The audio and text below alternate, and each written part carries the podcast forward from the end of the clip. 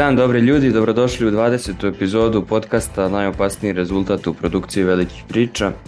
Ja sam Uroš Jovičić i bit ću vaš domaćin i u ovoj specijalnoj epizodi, specijalno zbog toga što ćemo pričati o košarci.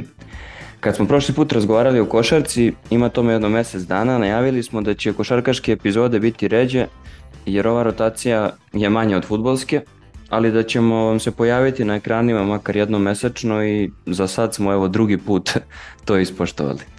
U ovoj epizodi u kojoj slavimo mali jubilej govorit ćemo o NBA sezoni koja je počela pre neki dan i najavit ćemo sve što je u vezi sa našim ljudima koji igraju najjačoj ligi na svetu. Kad kažem naši, mislim na sve naše. Sa mnom je danas ekipa koja na velikim pričama već pet meseci igra pick and roll, kako su to oni rekli na Twitteru. Miloš Jovanović koji se javlja iz Beograda i Toni Lazarušić koji se javlja koji se javlja odakle? Splita. Ćao momci, ka, kako je? Evo, nije loše. Može se reći sunčano je. Sunčano je, to je uvek dobro. Juče je bila neka kiša, druže, ali evo, sunčano. A u Splitu?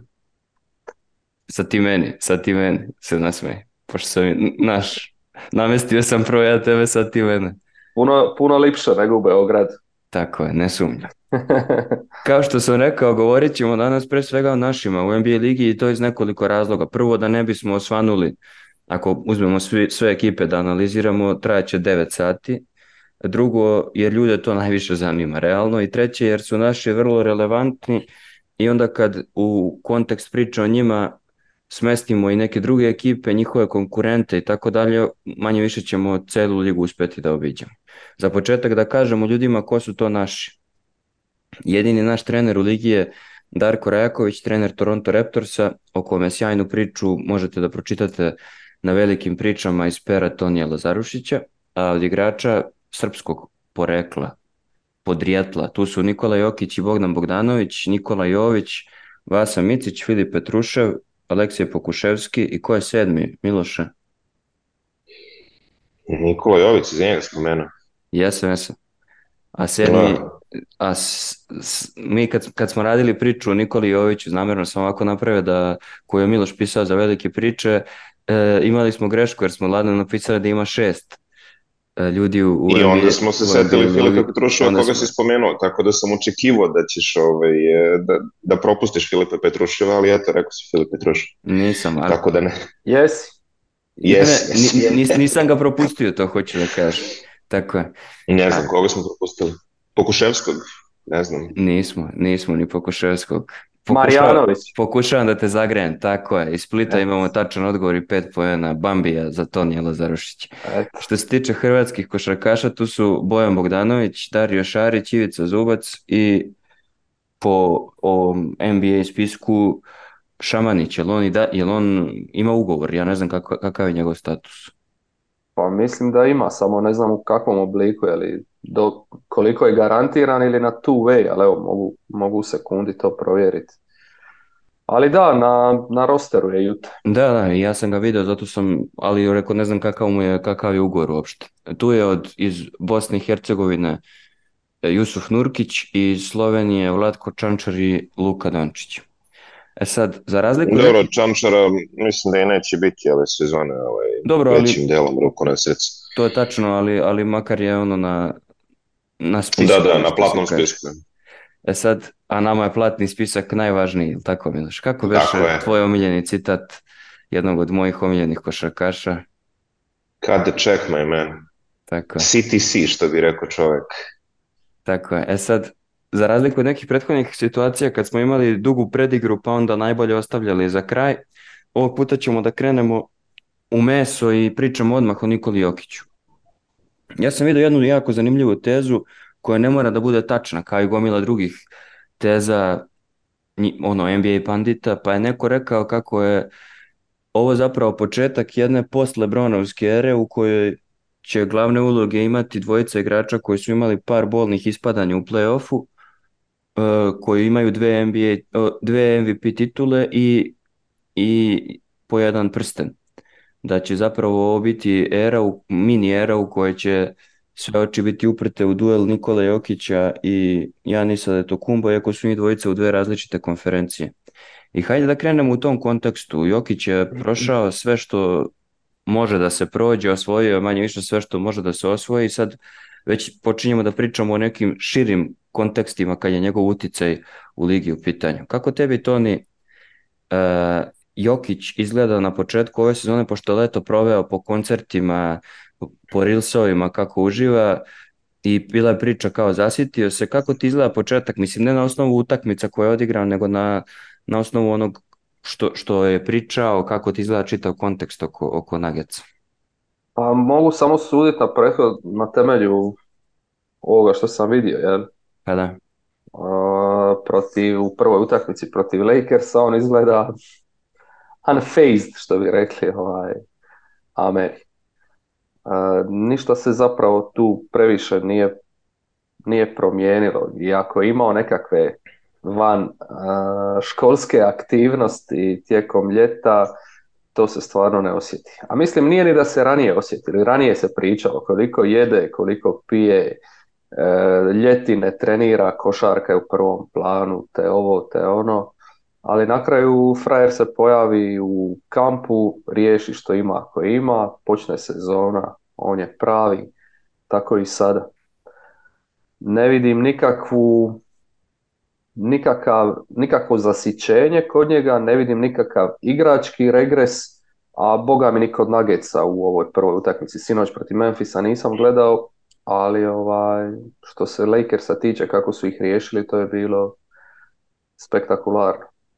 Da, Miloše, kako tebe izvuči ova teza? Misliš da je stvarno Jokić sada u o, ovom sezonom da će da zakorači u tu priču o, o već o, o legasiju i o istorijskom značaju za ligu, a ne samo ovo rekordi i, znaš, ono, 356 izmišljenih rekorda svake sezone koje, koje on obori u svakoj utakmici?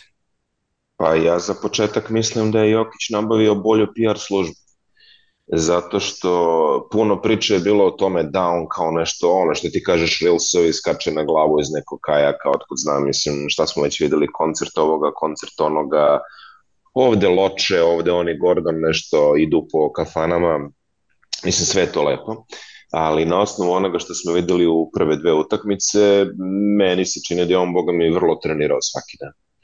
E, I to je posle i priznao u onom nekom razgovoru, čini mi se, da li sa Barklijem ili sa Šekom, više ne znam nikoga je pitao, ali ovaj, bilo je ono kao, ma da, kao svaki dan sam išao u teretanu.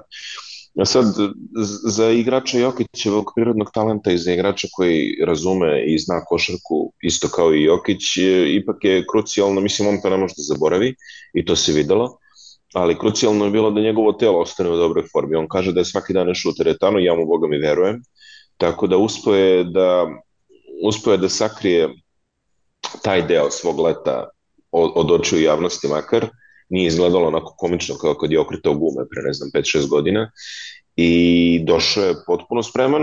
Meni se čini da je čak i, i fizički jači, onako u ramenom pojasu mi deluje malo, boga mi, krupnije i lakoće sa kojim je unosio Antonija Davisa u koš u prvoj utakmici, jeste da je prva utakmica, ali opet e, otvaranje je otvaranje, to svi gledaju i svako hoće da napravi dobar utisak e, na nacionalnoj frekvenciji. E, vidi, ne bi, ne bi baš ono olako pričao o tome da je, da je celo leto bančio i Da, da, nisam, nisam pa tako da, da, to ni ciljao, nego znaš kao... Ne, ne, ne, znam, nego samo, samo da kažem ovaj, u kontekstu svega toga. A što se tiče Legacy-a, ja mislim da je to teza koja potpuno drži.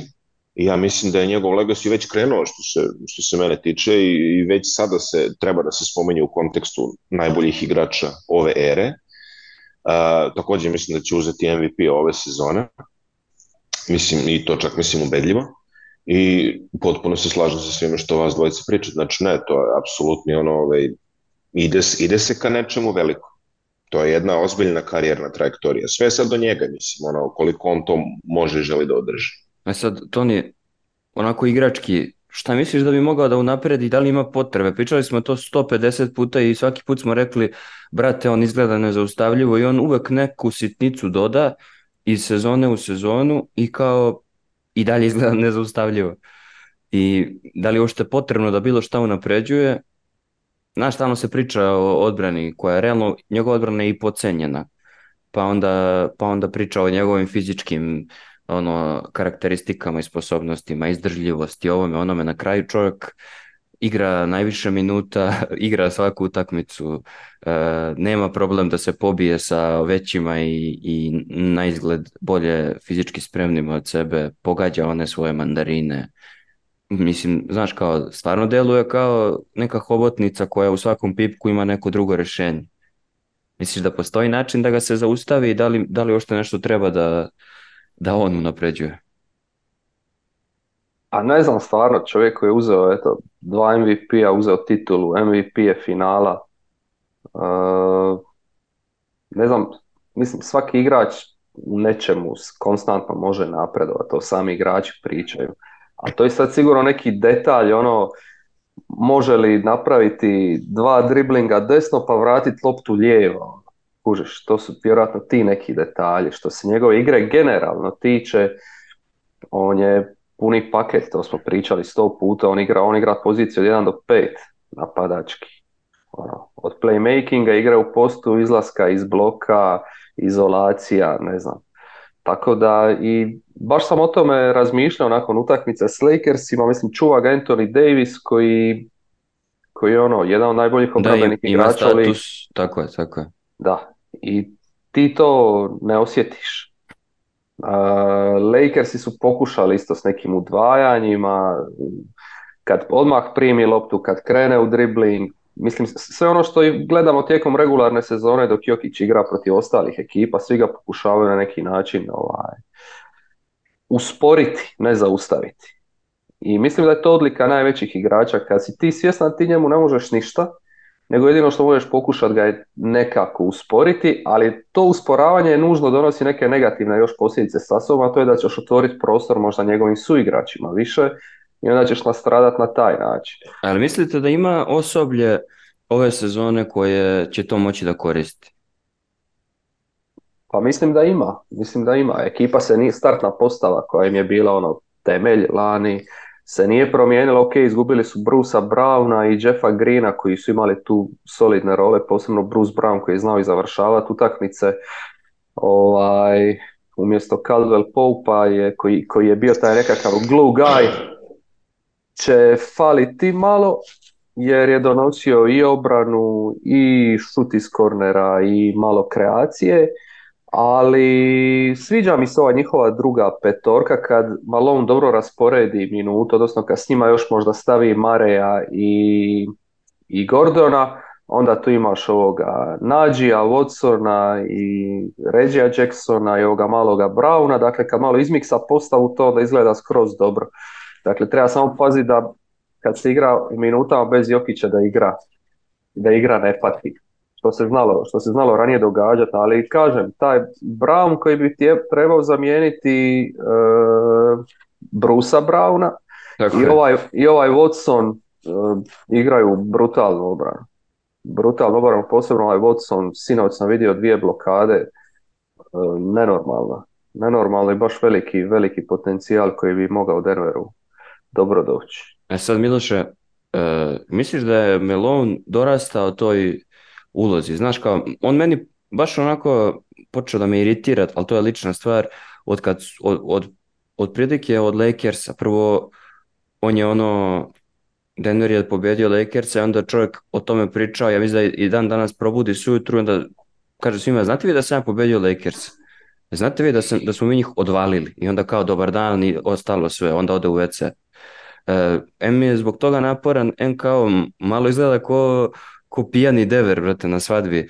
Samo nešto je veseo, nešto je euforičan. Ja, ja kapiram, to je velika stvar i od, od one parade, ali ovo kad su dobijali prstenje na početku ove sezone, one njegove izjave, kao jeste spremni za još, idemo, jesmo kapetane, ura, Juriju, kao brate, šta ti je, daj malo dođi sebi, ponašaj se civilizovano. Jel misliš da je dorastao ili da, da, da je ovo njemu preveliki zalogaj? Znaš kao... Ne, ja mislim, ja mislim da je on apsolutno dorastao. Uh, on svakako ima i neke svoje mane i neke svoje vrline, međutim, uh, prvo što se ovog tiče oko Lakersa, vidi, i ja bila lajao celo leto. Znači, pazi, uh, Lakersi su apsolutno jebeno nesnosni. Uh, ovaj, narativ koji se gradio tokom te serije i tokom te sezone, mislim, pazi, Lakersi će učiniti sve da što, kako god se sezona završi, e, njihova mašinerija će se potruditi da se priča Lakersima. E, ti, e, ti narativi iz bajke, znači te, te priče ovaj, za malo decu, koje su, prvo koje su se dešavale tokom serije. Naš završi se utakmica prvo u seriji i ne priča se o tome kako ih je Denver zgazio, nego se priča o tome kao, e, kao Lakersi su ih provalili, kao sad će Hachimura kao da, ovaj, da preuzme, zoveš, kao to, kao to, znašli su recept, pa izgube drugu, pa izgube treću, pa izgube četvrtu i opet se nekako više priča o tome kako su se Denver i, uh, izvinjavam se, ne Denver, uh, Anthony Davis i LeBron nešto kao izgrlili u slučionici. Ne, pa ne, priča Lebron se, oprosti što, te, oprosti što te prekidam, priča se o LeBronu koji je najavio možebitnu mirovinu. Ne?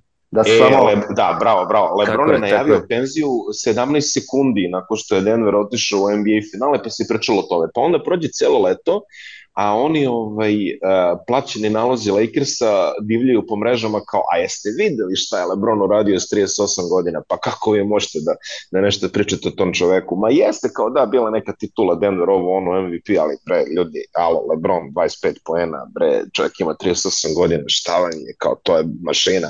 Pa onda, e, Anthony Davis koji na svoje ovaj, proverene načine preko onog svog ovaj, e, Jazavičara, Krisa Heinsa tamo, koji je verovatno na klačovom platnom spisku. Znaš ono, Anthony Davis okrene telefon i onda Chris Haynes kaže izvori blizu Anthony Davisa mi kažu da on više ne bi volio da igra centra ove sezone nego da igra četvorku. Pa onda, znaš, da izvori blizu zvao ga čovjek pa onda ovaj, se priča o tome. Pa onda za nedelju dana, e, sad bi Anthony Davis više volio da igra peticu, ulazi u Cam Fisher's ball. E, sad će Anthony Davis više da šutira trojke.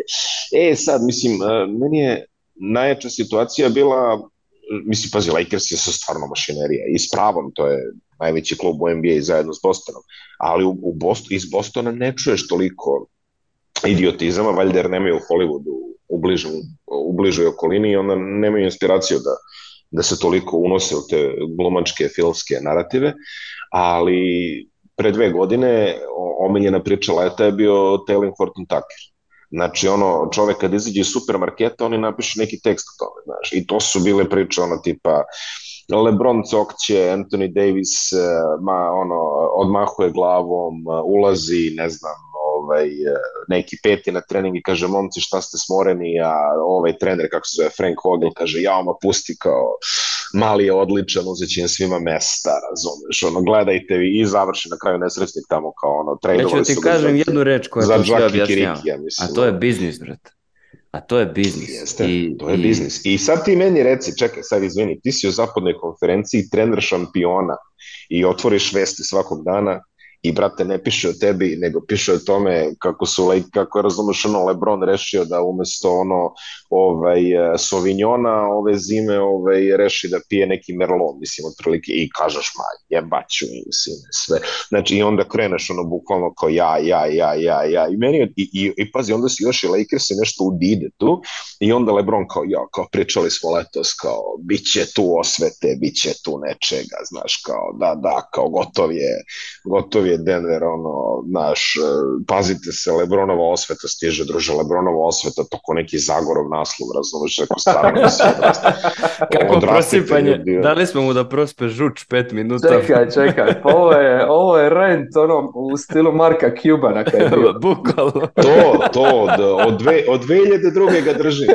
Znači, Denver, Denver, Denver ostvaruje sve snove napaćenih navijača Sacramento Kingsa. Inače, mislim, nemam nikakve emocije prema Denveru, ali ove, o, iz ove perspektive... Ali prema Lakersima da, imaš Lakers, očigledno. Da, da, to ponovno Lakers im nije od ono, od 88. otprilike, tako da ovaj, generalno što je najgore, ovaj, ja ti kažem, i, i ja bih apsolutno to radio sve, na njegovo mesto, ali ja mislim da, da on ima to nešto, na prvo njega definiše pre svega jedan jako dobar odnos sa, sa Nikolom Jokićem. E, u ne tako davnoj prošlosti Mike Malone je bio na ivici otkaza i e, jedne godine ga je spasao, spasla su ga dve serije iz kojih se vratio iz ono šta 3-1 deficit otprilike, to je bila ona Utah pa je bio Denver u bablu a onda ga je spasilo to što nije bilo Marija i tako dalje, tako da prošle sezone bilo je ono sve ili ništa za njega, uspeo da uradi sve i sad hvala Bogu on ima malo zaleđa, što se kaže može, može da laje i ja mislim da je on pokazao ovim sezonama da, da može da ekonomiše sa tim stvarima koje su mu na raspolaganju. Dodao bi samo na ovo što je Toni rekao, e, pojavio se Reggie Jackson i to u nekom malo boljem izdanju, pošto u napadu na titulu je uglavnom ono hvatao neke sekundaže tamo pored Brusa Brauna i, i Jeffa Grina koji su bili standardni šesti i sedmi ljudi u rotaciji, ali sad izgleda kao onaj malo onako opušteniji Reggie Jackson već dve utakmice dobro odigrao obe i uh, mislim da će uh, Denver uspeti da dobije nešto od njega što su možda gledali da dobiju prošle godine, pa nisu, ali nije im ni trebalo u krajnjoj liniji, da, a ove godine će im trebati, zato što eto, ne, nema što se kaže Bruce Brown i mnogo se očekuje od Kristijana Browna pre svega, koja je prošle godine dokazivo neke minute tamo kao deveti čovjek, od osmi deveti čovjek. Uroše, molim te. Ne, ne, ja sam, ja sam ono... Vidiš, vidiš šta ga triggeruje sad, ne spominji Lakers, rekao da ćemo pričati o Lebronu, ništa, zaboravi, ajmo dalje. Ne, sad sam baš teo da kažem, kad smo već ovako spomenuli Lakerse, da onda nadovežemo na ovu priču, makar kratko u ovoj epizodi, da se osvrnemo na Lebrona, jer uprkos ovome što je Miloš rekao i što zaista neka deluje kao deo njihove mašinerije i ponekad smara... Kako ti e, misliš deluje? E, i ponekad smara, kao što rekoh. E, neki od nas smara samo ponekad. Ja nisam fan Lakersa, ali sam prilično veliki fan onoga što LeBron radi u, pogotovo kako, u drugoj polovini svoje karijere. Tako da, no, tako, tako, da um, bih spomenuo svakako i njega, on je jedna posebna priča, u poseban entitet u ovoj ligi i bio je plan da o njemu pričamo nakon što uh, prođemo sve ove koji se, će se boriti zaista za, za nešto u, u ovoj sezoni, ali mislim da to ni možemo da, da napravimo kratak osvrt samo na, na to šta od njega možemo da očekujemo ove sezone zapravo i da ovo što se piše šta sve Lebron ume s 38 i tako dalje stoji da je ono propaganda i, i, i njihova klasična priča, ali stvarno treba tome skinuti kapu jer uh, u ovom trenutku u profesionalnom sportu na, na tom nivou vidimo i u, u drugim sportovima kako igrači kada dođu do tih godina onako loše stare, Lebron možda medijski loše stari, možda u svojim izjavama loše stari, ali košarkaški je čovek stvarno za, za poštovanje. Pa jednom, jednom davno, pre par godina sam ja pisao za Telesport tekst o, o baš to njegovom Iron Man statusu i izdržljivosti i svemu tome s obzirom na kilometražu koju je prošao i čovjek na krio komore, na specijalnu prehranu i sve ostalo troši 2 milijuna dolara godišnje. Znači samo za oporavak nakon utakmice i pripremu za utakmicu, dakle 2 milijuna dolara, možda sad i više, nebitno, e, godišnje. Dakle, postoje razlozi zašto je vjerojatno uz još nekakve genetske predispozicije, zašto on traje toliko, toliko koliko traje, iako treba biti pošten i priznat da, evo na primjer, često se opet propaganda to radi, e, Lakersi spominju kao nekakvi pritajeni favoriti za titulu, nešto, ja ih iskreno ne vidim tu. Da, nije. Ni, blizu, ni blizu. Denveru ne mogu uzeti, ja mislim, dvije utakmice u playoff seriji. Dakle, mi onda tu ne možemo pričati. Možemo pričati o Sunsima, eventualno Warriorsima, ali o Lakersima ne znam kako. Zašto? Zato što jednostavno Lebron s tim se treba pomiriti. Možda ja sad na kraju sezone pojedem hrpu govana i on me demantira, ali on više jednostavno u playoffu ne može nositi teret kakav je prije nosio. A Davis dokazano obrambeno može, napadački ne.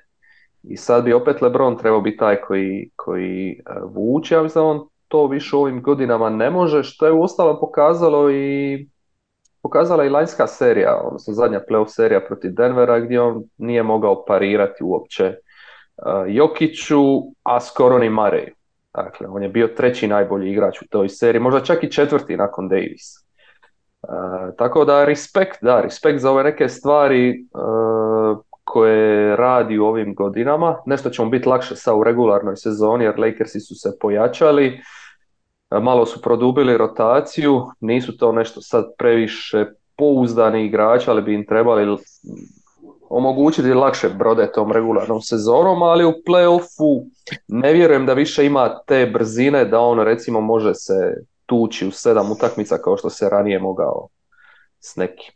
Ma dobro, svakako, mislim da sa, upravo samo ovo što je Miloš rekao, samo deo te mašinerije, kao deo te mašinerije izlaze te priče o, o njima kao nekim kontenderima u bilo kom smislu, ali i mislim da je to, to loš PR, njihova greška, ono marketinška, mislim da bi stvarno treba, trebalo potencirati samo to kakav čovjek ima status i da se uopšte ne govori u kontekstu bilo kakvog rezultata, bilo čega drugog, nego samo eto, lik je, lik je ono poseban nivo nečega i pričati o njemu kao, ka, štititi ga kao belog medveda, kao takvog čitava liga. Da, je, jer, da ovako da mu rade, jer ovako mu na neki način kontra rade kontra uslugu. Da, tako da, je, jer, tako je. Ono, još jedan neuspjeh ga udaljava još više od tako te je. goat, goat rasprave i ne vidim smisao da idu... A zapravo je trajanje možda i najjači njegov argument u toj GOAT raspravi. Mm. E, mm. I, I ta posvećenost košarci, jer kao da li je GOAT u bilo čemu meni čovjek koji,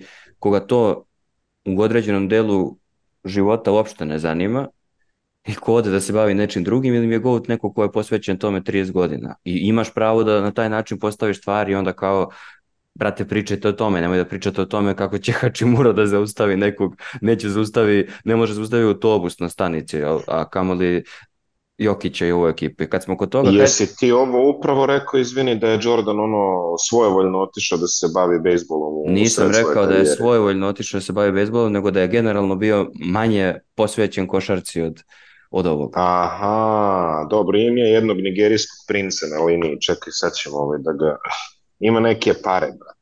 Veruj Uzmi pare, brate, pa idi gledaj, ili kupi VHS kasete sa Jordanom od tih para. E sad, kad smo, kad smo već pričali o konkurenciji... Imaš pravo da veruješ u šta hoćeš, to je sve okej. Okay. Tako je. E, kad smo već pričali o konkurenciji e, Jokiću i Nagicima, hajde da spomenemo onda i te dve ekipe koje to ni spomenuo i da, da, da popričamo o tome ko, ko bi zapravo mogao da bude realno opasnost za nagetce na zapadu. Šta, šta misliš ti Miloš, ajde sad kad smo zaobišli ovu temu koja je puna žuči? Pa, Ove, ovaj, Čaša žuči, iste čašu meda. Već. Ište čašu meda, da. Pa nisi mi dao da kažem ništa o Lebronu, sad ću ti ispadnem negativac, ali dobro, nema veze, to je, i to je, to je fino. Moramo da imamo jednog negativca i jednog, znaš, kao, kao u, u stripovima, sve mora bude tako. Dobro, može, ja ću biti onda ovaj, Helingen, ovaj, Lebronovom zagoru. ali, A, pa ovako na papiru e, najozbiljnija pretnja je Phoenix. Mislim, e, Phoenix imao interesantan prelazni rok, u smislu uspeli su da se pojačaju bez da daju puno para. Mislim na ovo, mimo ovih trejdova i blockbustera koje su ostvarili, jeli, za početak uspeli su da se reše ugovora e, Krisa Pola, što je zaista veliko ostvarenje. Taj ugovor je bio koliko toliko loš za čoveka tih godina i on je, bit će on i dalje produktivan, ali mislim da su u Phoenixu procenili da nema dalje sa njime. E, doveli su Bradleya Bila e, i negde sam nedavno čitao, kod Bradleya Bila je samo pitanje da li će on biti dovoljno motivisan, jer iskreno meni je malo ovako ovaj, gorak utisak ostavila ta njegova epizoda u Vašingtonu, jer je čovek uzo max ugovor i ono rešio da digne sve četiri. Nemoguće je da, da igrač koji je tako postupio prema ugovoru sa igračima i svemu tome i generalno košarci ostvari nekakav uticaj u Majamiju. E sad, e, u Phoenixu vidjet ćemo kako će to da izgleda. Oni, on će verovatno snositi odgovornosti i playmakera, što nije nešto previše igrao ranije, nije da, nije da neka kapacitetan, ali nije baš da mu je primjerna pozicija. Uh, tu je Jusuf Nurkić koji će e, videti malo da ono restartuje svoju karijeru i on je u Portlandu uleteo neki, da kažemo, kolotečino malo. U Phoenixu će biti dobro, igraće sa titulu, to je sigurno jedan od kandidata i ono što je bitno za Phoenix, Phoenix u poslednje vreme često pričamo o tome, ali Liga pokušava da projektuje Phoenix kao mali Los Angeles. E, tokom ovih e, recentnih ekonomskih kriza i migracija, dosta više klase i više srednje klase se preselilo iz Kalifornije u Arizonu, čisto zbog boljih uslova života, povoljnijih poreza, bolje cene nekretnina i tako dalje i tako dalje. I onda ovaj, ekipa na Phoenixovim utakmicama onako baš, što se kaže, ono, i, jača malo, znaš, ekonomski. I onda ja mislim da je čak i NBA ciljano izbacila servere iz Phoenixa, dobro, to se zna, mislim, pazi, ne ide da tako škrt lik bude vlasnik franšize u jednom tako bogatom delu, da je bio vlasnik Sakramenta, verovatno bi i dalje bio tamo da jeste, ali pošto u Phoenixu ekonomska klima malo drugačija, doveli su lika, pa i, mislim, Išbija je ono šta u prvom danu otprilike ušao u kancelariju, i rekao dovedete mi Durenta, onda je nastavio da blockbusteruje tamo i ono jedan klasičan novi vlasnik koji želi ovako malo da fleksuje, da se pokaže i odmah je to išlo šta, kao evo sad će Bradley Beal, evo sad će ove, evo sad će one i mislim da će Phoenix biti konkurentan, i u interesu Lige da bude konkurentan, što je dobro da oni naprave jedno to novo malo žarište, da se narod malo angažuje, jer veruj, mislim, pazi, pre, mi nismo toliko daleko, ovo isto uvek volim da kažem, ali mi smo toliko daleko od onoj situacije u kojima ima Drew, Ble, a, Drew Bledsoe, Eric Bledsoe želi da želi da napusti e, Phoenix e, tako što tweetuje ne želim da budem ovde otprilike, pa onda me to peglaju da je on bio trenutno kod frizera ili mislim razne gluposti, pa onda onaj James Jones ili ili James Jones koji tamo odlazi da potpisuje ovaj, neke stvari u ime Phoenixa pred 25 ljudi i tako dalje i tako bliže. Znači, malo su oni, to je bilo pre 6-7 godina. Tako da vrlo brzo su se oni odaljili od tih blamova koje su doživljavali tada i sad, sad se na njih gleda kao na jednu premijernu selekciju. Denver ispred njih e, ima možda manje nekog, in, možda, kažem, možda ima manje nekog individualnog kvaliteta, ali kao tim su mnogo bolji i za mene su definitivno favori što su i pokazali prošle prošle sezone, jer znalo se da će puteve do titule voditi kroz Phoenix, oni su kroz Phoenix prošli kao uh, brzi voz, tako da pokazali su se tu i mislim da je na Phoenixu sad da mu Rom se dokazuje, a Denver će ih sačekati shodno njihove mogućnosti. E sad, Toni, samo pre nego što pređemo na Golden State koji si takođe spomenuo, kako misliš da će izgledati Nurkićeva sezona? Misliš da se dobro mečuje sa ovom ekipom? Pa mislim da da. Mislim da da, on je i u e, Portlandu navikao igrati uz dva onako dominantna beka s loptom. To su bili Lillard i McCollum, pa onda Lillard i Simons su u ovom zadnjem periodu. Mislim, kad je dovođen znao je koja mu je uloga, sigurno su pričali o tome što od njega želi, mislim da tu ne bi trebalo biti problema. Moj problem s Nurkićem je uvijek isti, odnosno to su uvijek dva ista problema. Prvo je je li on može ostati na parketu e, jer on je, on je centar mislim s najviše e, nepotrebnih faulova po utakmici. Oni tamo, tu su negdje.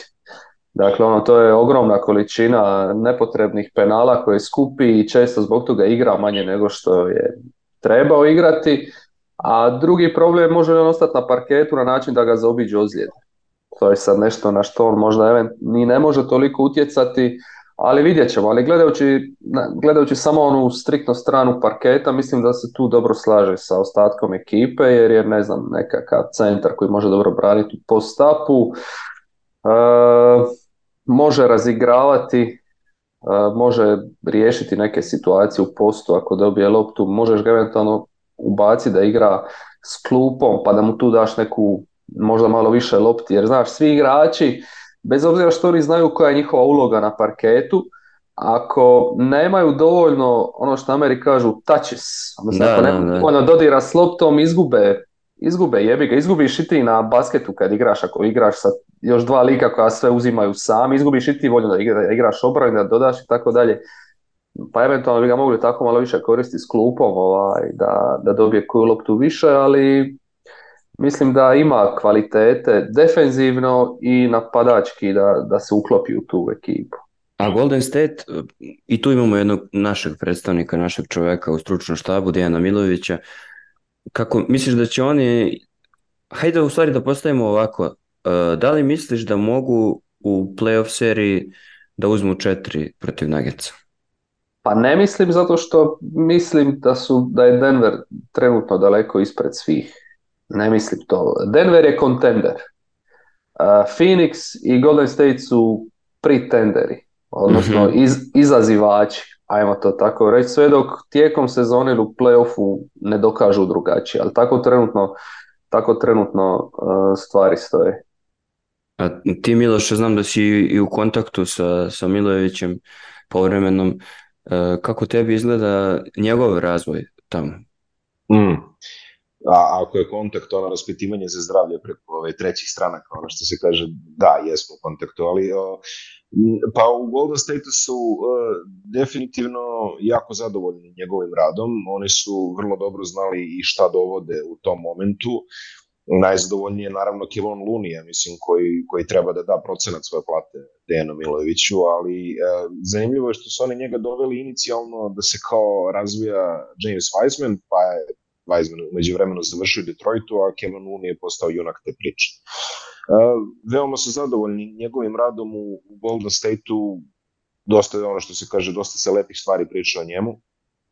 Koliko ja čujem, on je izuzetno zadovoljen, on je izuzetno zadovoljen u, svojim angažmanom uh, tamo, tako da jedna lepa priča koja će traje i dugo, nadam se, uh, e, trajeće sigurno koliko je Steve Kerr tamo za početak, a za dalje ćemo da vidimo. Uh, A o samom Golden State-u, mm, znaš kako, i LeBron i, i Curry su ušli u to ono što ja volim da kažem, eh, Brad Farm kategoriju, kada ljudi jednostavno odlaze u neke godine u kojima si ti svestan da oni ne mogu baš da budu to što si ih ti zapamtio da jesu, ali opet nekako ne bi baš ni da ih otpisuješ u to vreme. Toni je rekao kao ne mogu da se kladim na Lebrona u play-offu, ja kad ga vidim da odustaje, ta ću da kažem gotov je. A ovako dok e, i Zakarija važi isto, apsolutno isto. Tako da, jedino što mi se ne sviđa u poslednje vreme je što je Golden State koji je meni ovako inače bio jako ovaj, e, pozitivan primer šampiona, malo su počeli da, danjaču i da svako malo ono, Clay Thompson dođe, znaš, ono, kao, pa, pa ono pokazuje na prstenje i mislim, ne, ok, naravno, svi povelene u nekom momentu, ono, ako si dovoljno dugo heroj, doživećeš da postaneš i negativac, jel? Tako to ide. I još su, mm. još, i još su sad doveli, doveli Krisa Pola koji će se savršeno uklopiti u da, priču. doveli su Krisa Pola koji će stvarno savršeno... Da koji, koji je dovoljno dugo negativac da ne može nikad postati heroj, aj tako da kažem. Ni pa, prvak. on nije, negat... Ni prvak. On, nije, negat... on je negativac, on je samo... Dobro, nema veze dosta sam ja ovaj, lajao, vidim da me, vidim da me svesno nameštate ovde, ovo vaša mala alijansa. Treba vam negativac, ali dobro, neka, nema vez, bit će negativac. Biće negativno, sve pod kontrolom. Epizoda o herojima i negativcima. Kad smo kod toga da zaokružimo priču o Jokiću, jer ovo je sve pomalo priča i o njemu, jer kada govorimo o tome da, da je Golden State koji je ono veliki tim i svašta radio pozitivno u posljednjoj deceniji, kada govorimo o Lebronu koji je svašta radio poslednje u ovom veku i kada govorimo o, ne znam, Phoenixu koji ima ambicioznog vlasnika i onako tim sa, sa velikim ambicijama i dalje ističemo da je Denver ubedljivo ispred svih njih i da su oni samo izazivači, to dovoljno govori i o snazi Nuggetsa. Sad hajde da govorimo i da se vratimo samo na onu početnu tezu sa početka epizode, gde je čovjek rekao da će ovo biti mini era borbe između Janisa i Jokića. E, I hajde da, da, da spomenemo Milwaukee Bucks-e, pošto su oni napravili najluđi e, trade leta, ono što je, o čemu je Toni takođe pisao za, za velike priče, dva teksta. Prvo smo pisali tekst koliko je zapravo dobar Lillard, a onda, a onda o njegovom prelasku uh, u bakse. Kako ti to ne vidiš, hajde kad ti već to pisao da započnemo s tobom, kako vidiš ti šanse baksa da, da izdominiraju istokom? Uh, jer ja, meni je ovaj Boston vrlo drag i nekako verujem u njih uprkos ovom uh, bokseru sa Zakintosa kog su doveli. A kako se zove, kad smo kod negative, A, a kako se zove, zanima me kako ti vidiš šanse Baksa na istoku i to kako, je, kako vidiš njih u odnosu na Nuggets ako, ako dođe do velikog finala te vrste. Pa mislim to opet se svodi uh, i ta istok, ajde zapad se svodi na priču o tri imena, istok se po meni svodi na priču na dva imena. Baxi i Boston. Ne, mislim, naravno, Miami opet ne treba nikako otpisati, jer Miami je Miami, ali ne vidim tu nekog sad još nekog izazivača. Kavsi mi nisu taj tip. Ovo ostalo mi onako sve dosta Nixi, Atlanta. Ne vidim još nekoga ko bi se tu ko bi se tu mogao umiješati. Tako da su to ta dva imena koja bi trebala po projekcijama igrati finale istoka osim ako se nesretnu negdje ranije. A, mislim da je ovo bio dobar potez dovođenje Lillarda u Milwaukee, jer sa Holidayom su jednostavno dosegli taj nekakav svoj plafon. Uh, osvojili su da titulu s njim, ali nakon toga je uslijedio isto tako i pad. E, gdje nisu uspjeli su ispali jednom u drugoj rundi, jednom u prvoj rundi i to je onda bio jasan znak da se tu nešto mora promijeniti. Janis je izvršio u maniri pravog superstara nekakav pressing po cijelom parketu na upravu i onda se, i onda se nešto moralo dogoditi. Doveli su mu Lillarda koji se dobro slaže s njim jer jedan je visoki, drugi je niski, jedan je centar, drugi je bek mogu igrati super u tandemu taj nekakav pick and roll uh, i Lillard treba baksima koji često znaju u tim nekim završnicama imati problema jer Middleton akro opet uskrsne ili iskrsne kao uh, potreban, kao najbolji kreator. Vidjeli smo sad u utakmici protiv Filadelfije, Lillard je stavio onu tricu za 126, 123 mm. i, i riješio stvar. Tako da tu će im sigurno pomoći. Jedino što su se Jedino što sad obrana neće više biti tako tvrda bez holideja kao što je bila, ali to je jednostavno rizik posla koji moraš prihvatiti da nešto dobiješ, nešto izgubiš, ne možeš imati sve. I ne vjerujem baš njihovoj klupi. E, ova ekipa koja ulazi s klupe je dosta tanka. Daleko je playoff, može se tu još napraviti tradeova i deadline će doći i tako dalje, ali E, ne vidim igrača na klupi kao što je bio Bruce Brown ili Jeff Green ili neko takav kod Denvera koji će ući prelomiti utakmicu s nekim potezima. A mislim e. da je to dosta bitno u playoffu da se klupa tu čak prečesto i podcjenjuje. Ja bih bio ono slobodan da kažem da je ova prva petorka Baksa ove sezone jača nego prošle, a da je klupa mislim ono, da je klupa njihova zapravo to što si rekao, dubina im je možda i najslabija karika kada dođe do... Da, jedin, jedin igrač na kojeg se dalje možeš tu osloniti je Bobby Portis. Ono, ok, ali to nije igrač opet koji radi nije, neku, nije, da. neku koji može preveliku ključnu razliku. Tako je. Da, ali ti tu imaš neke igrače, recimo ovoga Konatona i Crowdera koji Konaton je onom prvom u ovom Milwaukeeovom pohodu na titul ima dosta bitnu ulogu s klupe. Kad bi ušao, zabio bi neke trice. On je lani propao. Ove sezone, gledam ga u ovoj prvoj utakmici, isto igra jako loše. Crowder više jedva se kreće, ne može ni potrčati. Znamo koliko je on bio bitan i Sansima i Majamiju, igrao je s njima finala. Tako da imaju ovoga Bošempa koje pokušavaju ovaj, razvit, da ima nešto donese, pa vidjet ću. Da, Miloše, misliš li da, da Boston tu može da napravi problem Milokiju, pošto kao prema svim ono predviđanjima Milwaukee jeste prvi favorit, ali nije tolika razlika između prvog i drugog favorita kao na zapadu.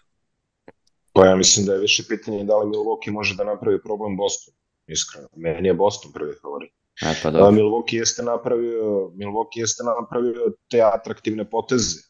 A, po meni će gubitak Holidaya biti veoma velik, iskreno uh, e, Holidaya su zamenili uh, e, čovekom koji nije istaknuti defanzivac i Janis će imati mnogo više posla.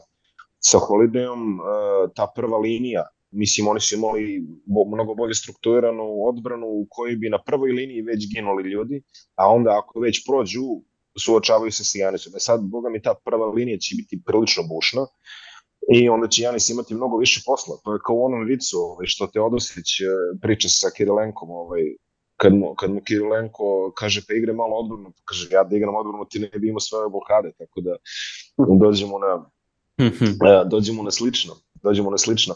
Ali e, meni je Boston iskreno mnogo bolje strukturiran. E sad jedino kod Bostona Tona je pitanje e, da li oni imaju to u sebi da preskoče mentalno te barijere koji su sami sebi postavili. Ja mislim da će Porzingis biti veliko pojačanje, ja mislim, a on mora da ostane zdrav, za početak dobro igra, ovako ovaj, vidi, se, vidi se da dobro igra, zaista motivisan je, e, došao na mesto na kojem su ga, su ga tražili, takođe ovo ostalo, mislim, koji su se obrali tu okolo. Holiday po meni unapređenje veliko u odnosu na Smarta, iako je Smart bio veliki šok kad su ga poslali u šta beše Memphis, više se nećem tamo da školaju ono dečicu. Ali ove, dobili su Holiday ako unapređenje. Po meni napadački odbran, ajde kao da kažemo egao, možda je čak i tu negde su jeli, ali vrlo brzo će se zaboraviti taj ono što kažeš community outreach i sve te stvari po kojima je Smart bio poznat. Tatum i Brown su dobili jednog jako pouzdanog saigrača, dobili su neku dubinu, a sad malo ta bekovska rotacija u Bostonu tamo ono mislim može da utanji je li što se kaže, ali videćemo očekivaće oni da dobiju neke minute i da ovo kako zove Toni Pričard da je tako, ovaj Pričard, šesti da. čovek godine, šesti da, da. čovek godine, ovaj što bi rekao naš dragi prijatelj. E, budući šest čovek godine i uh, vidi e, što se što se Milwaukee tiče, mislim da su oni da se izrazim poetski svojim jezikom ispisali neke čakove koji, za koje možda i nemaju pokrića. E, doveli su čoveka koji je jednom u životu video neko finale konferencije, ako ne i dva puta, ali zato voli da priča kao da je osvojio 78 trofeja interkontinentalnog prvaka među galaktičke lige i onda sad on u celoj toj priči kako u sine ko će nas da zaustavi mene i njega, ma ajte kao budite ozbiljni, znaš kao mora, mora će to i da pokažu. Ja, ja bih, Tako da, da... ja sam i ranije u, u ovom podcastu to, to ne znao, on je bio tu sa mnom isticao svoje potpuno nepoverenje i manjak ljubavi i empatije prema Janis Odetokumbu, čovjeku koji takođe ono mislim dobija nezasluženu količinu uh, E, optimizma od raznih ljudi na početku svake sezone. Ja smatram da je Boston... Pa on je, on je postao negativac. Da on je, je postao klasičan negativac e, i to, i to je uspeo da, da postane negativac iz priče koju Hollywood ne bi umeo da smisli.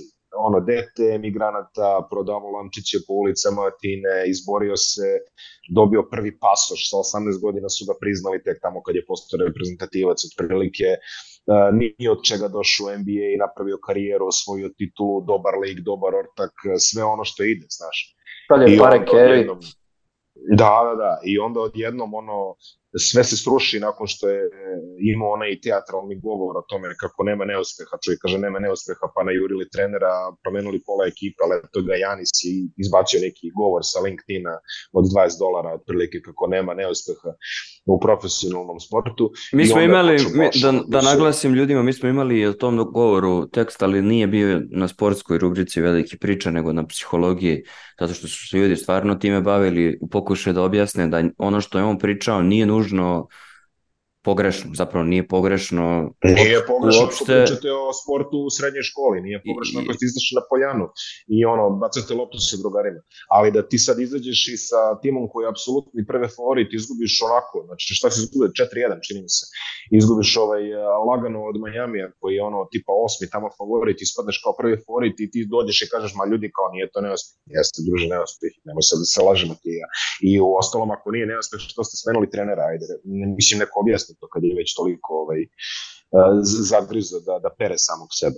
Ali onda je on izašao i u medijima posle tokom se znaš što kaže Toni odigrao je full court press tamo je izašao pa onako nežno spustio ono kao pa znate kako ako bude imamo bolje prilike igraću negde drugde pa onda u 48 sati su se izokretali telefoni i eto ga Lillard za koga celo leto niko ne može da skupi paket da ga trade odjednom završava u Milwaukee.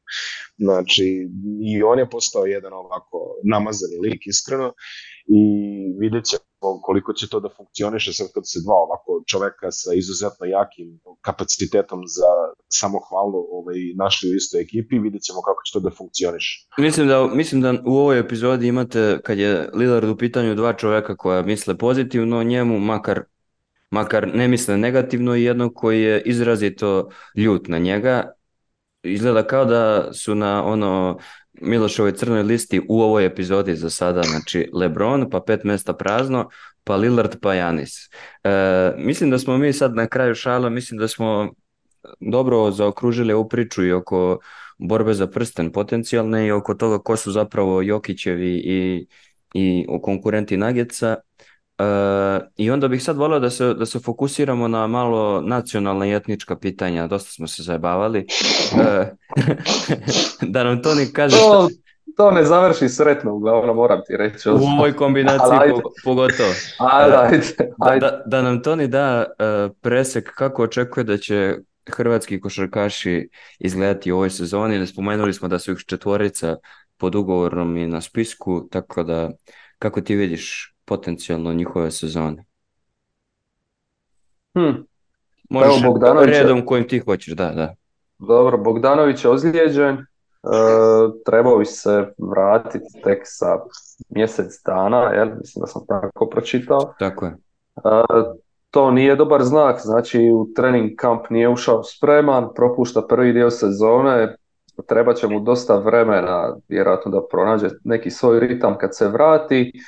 Uh, ja se nadam da će netko poslati nekakav paket Detroitu za njega, netko tko se bori za nešto da ga opet gleda u nekom kompetitivnijem okruženju. Jer on i dalje ima to, Lan ima stvarno brutalnu sezonu šutersku, on stvarno ima to još uvijek u sebi i trebao bi, trebao bi mu neki, neki bolji klub da, da još jednom dokaže i sebi i drugima da može. Uh, Šarić je promijenio kontekst i on je nekako baš ono Golden State igrač što se tiče košarkaškog IQ-a i sistema koji oni igraju, tu se super, tu se super slažu. Uh, jer on donosi taj passing element, donosi i borbenost i eventualno još nekakav taj streć element na lažnoj petici, ajmo tako reći, e, kad igra s klupom i može na neki način u tom segmentu, ne defanzivno, ali u tom segmentu može biti nekakav uh, light Draymond Green. Uh, kom je još ostao? Zubac. Zubac igra standardno svoju rolu u Clippersima, ima svojih 25 do 30 minuta, defenzivno stvarno izrasta u vrhunskog centra, uh, napadački nije puno napredovao, ali nema ni prostora u Clippersima jednostavno igra za takvu ekipu i on će u regularnoj sezoni isporučiti svoje, nema nikad problema s ozljedama, ali onda kad dođe playoff onda ispliva u ten, ti, ne, ti neki njegovi minusi napadački i defenzivni.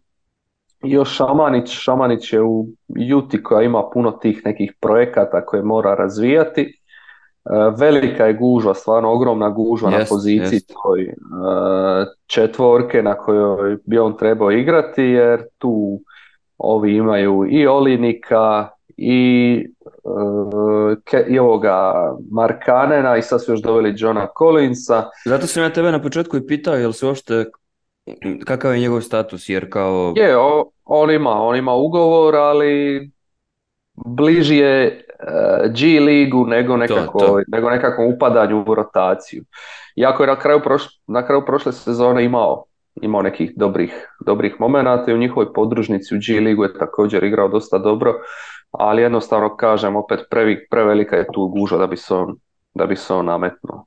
Ne, uglavnom, uh, uglavnom uh, Hrvati su dobri, ali ništa više od toga. Da, a sada pitamo Miloša, onda Srbija ima pored Jokića još šest igrača, to smo spomenuli, da naglasimo slušalcima da, da su na velikim pričama mogli i mogu i sada da pročitaju Miloševu priču o razvoju Nikola Jovića i kako je došao do, do ovog desnog skretanja na spolstrinoj raskrsnici, gde je Miloš imao zanimljive sagovornike koji su učestvovali u prepoznavanju i razvoju talenata kod, kod Jovića. Pa hajde kratko, kratak pregled srpskih košarkaša. Počni ga, molim te, najboljim srpskim reprezentativcem u 21. veku Bogdanom Bogdanovićem. Hmm. Pa o Jokiću smo sve manje više rekli, jeli? Bogdan Bogdanović je očigledno u dobroj poziciji na mestu gde mu se sviđa, dalje razvija svoju karijeru u tom smeru koje ide, evo odigrao je dobro jutro, koliko sam video. Jest. On će imati tu stabilnu ulogu sa klupe, imaće 25 do 30 minuta, zavisno kako, kako situacija napreduje možda će biti u konkurenciji čak za šestog čoveka ako se tako stvari budu razvijale, ako među vremena ne budu tumbali nešto. Atlanta ne znam baš e, šta može da uradi iskreno, ali njegov uloga će biti stabilna. Ja mislim, ono, govorimo o nekih 12 e, do 18 poena u proseku, recimo tako nešto nadam se da će šutirati 40% za 3 poena i bit će definitivno stabilan činilac sa klupe u toj rotaciji, što je nešto što svakoj ekipi treba za njega, zaista uloga u kojoj ja mislim da može da uživa. Uh, Um, Jović, koga smo već spomenjali, poče sezonu sa dva puta po pet omiljenih slova, DNPCD, znači nije igrao uh, zbog odluke trenera, tako reći preskočen je, dve utakmice već u nizu, vidit ćemo hoće li se njegova minutaža razvijati pozitivno kako sezona bude odmicala, za sada nemamo puno toga da kažemo o njemu. Vasa Micić prvu utakmicu DMPCD, drugu utakmicu odigrao je 6 minuta, pogodio je jednu trojku, Oklahoma, ja verujem da će računati na njega kao rotacijskog beka, ali morat će malo da prođe vremena da se svi tu uvere u međusobno jedne i druge i u svoje kvalitete.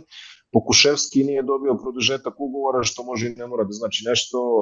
On je ovako, što kaže Toni, trenutno ja bih rekao možda i bliži J ligu nego što je stabilno i rotaciji u samoj Oklahoma i tu je i Holmgren da popune njegove pozicije koje je preskočio celo sezonu zbog povrede pa vidit ćemo šta će tu biti. Marjanović e, odigrao nekih desetak minuta jutro za Houston, Mm, on je na samom kraju rotacije, neće ići u G-League, e, već to, to, to je previše, ali ne verujem da će imati neku...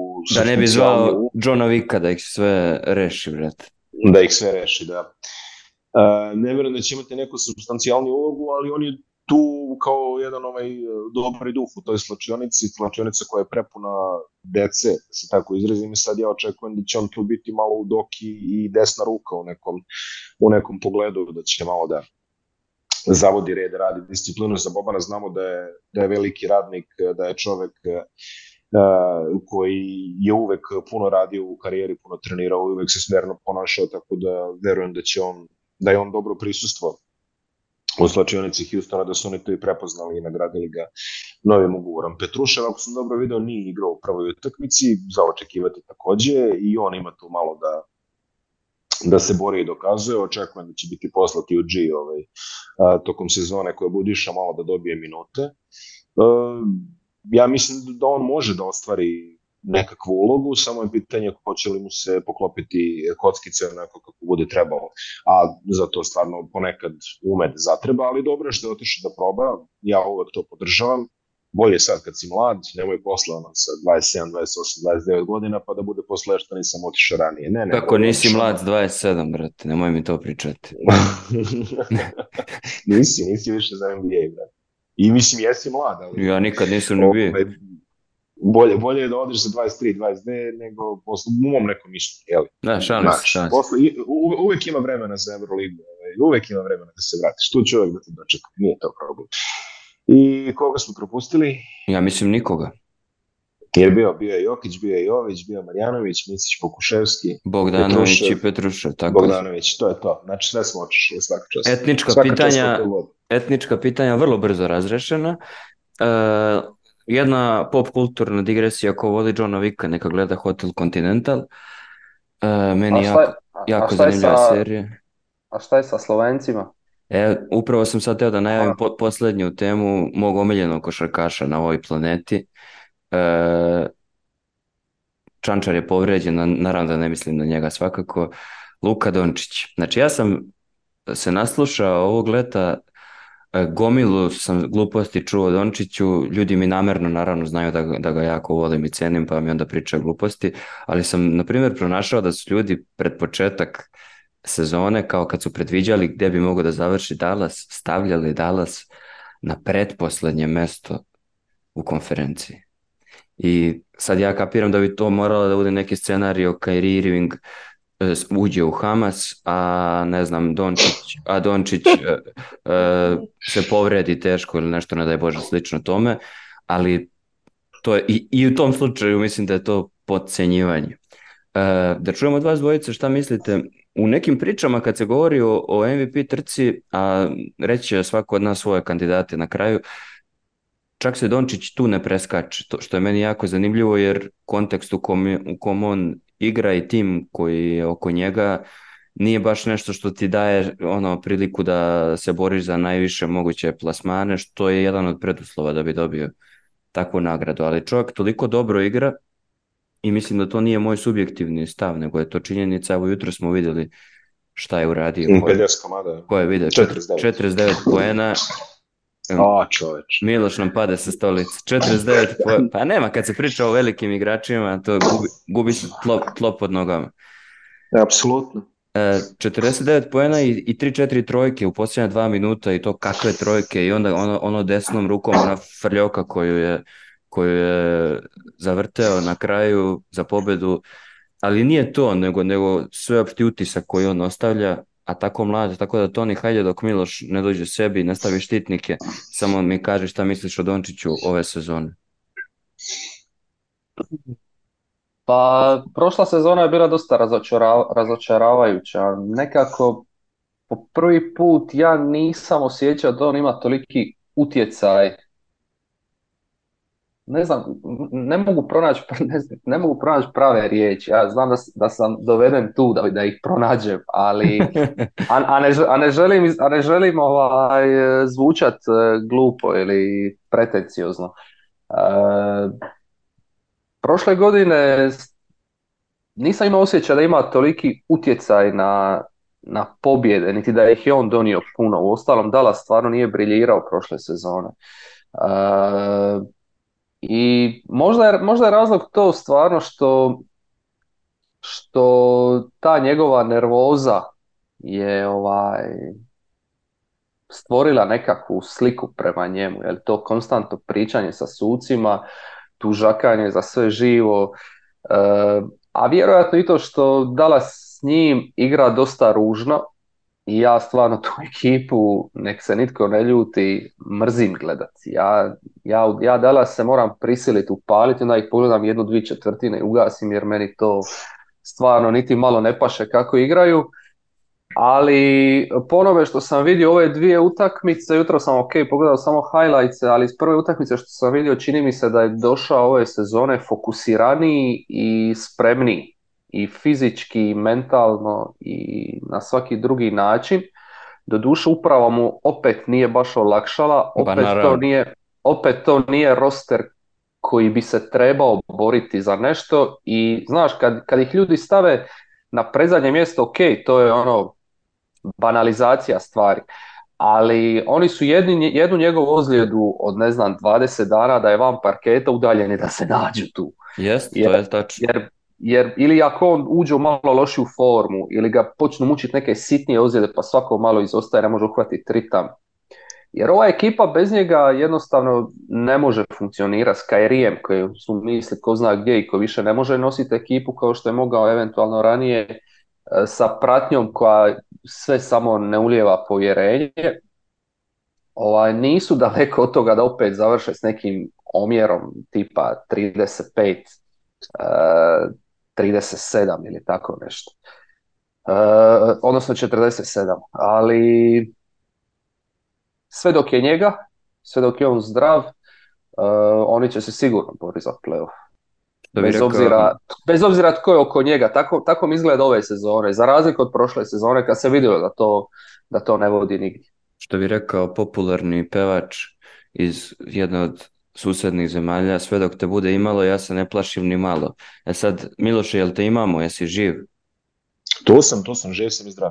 E, kaži mi samo kako ti vidiš Dallas ove sezone, pre svega Dončića, i misliš da je realno da se opet bori individualno, mislim on se ne bori za to individualno, ali to, to je posledica logična njegove igre za neku od, od ono individualnih nagrada i koliko je to nerealno. Apsolutno će se boriti, ali sve, sve je u tome što Toni kaže, on mora da bude zdrav. E sad ja mislim, opet, ovaj, mislim da mu je Dallas malo zamerio za te njegove čuvene letnje programe i letnje kampove koji se odvijaju verovatno po pekarama i tome slično, ali uh, realno gledano ove, ove, ovog, ovog leta mislim da je puno radio, mislim da je baš puno radio i to se i vidi i doveo je telo u neku optimalnu formu. Dogod je on zdrav, on će biti u konkurenciji za to, nema, tu, nema tu priče. Mislim, on je čovek koji je, uh, uvek hoće da igra, to je jako bitno kod Luke. Uh, 82 utakmice, 82, 100, 100, 120, 120. Mislim, koliko god treba, on će igrati. On igra i, i leti, i igra basket. I mislim, oma, generalno, čovek voli da igra. Čovek voli košarku, da. Telo,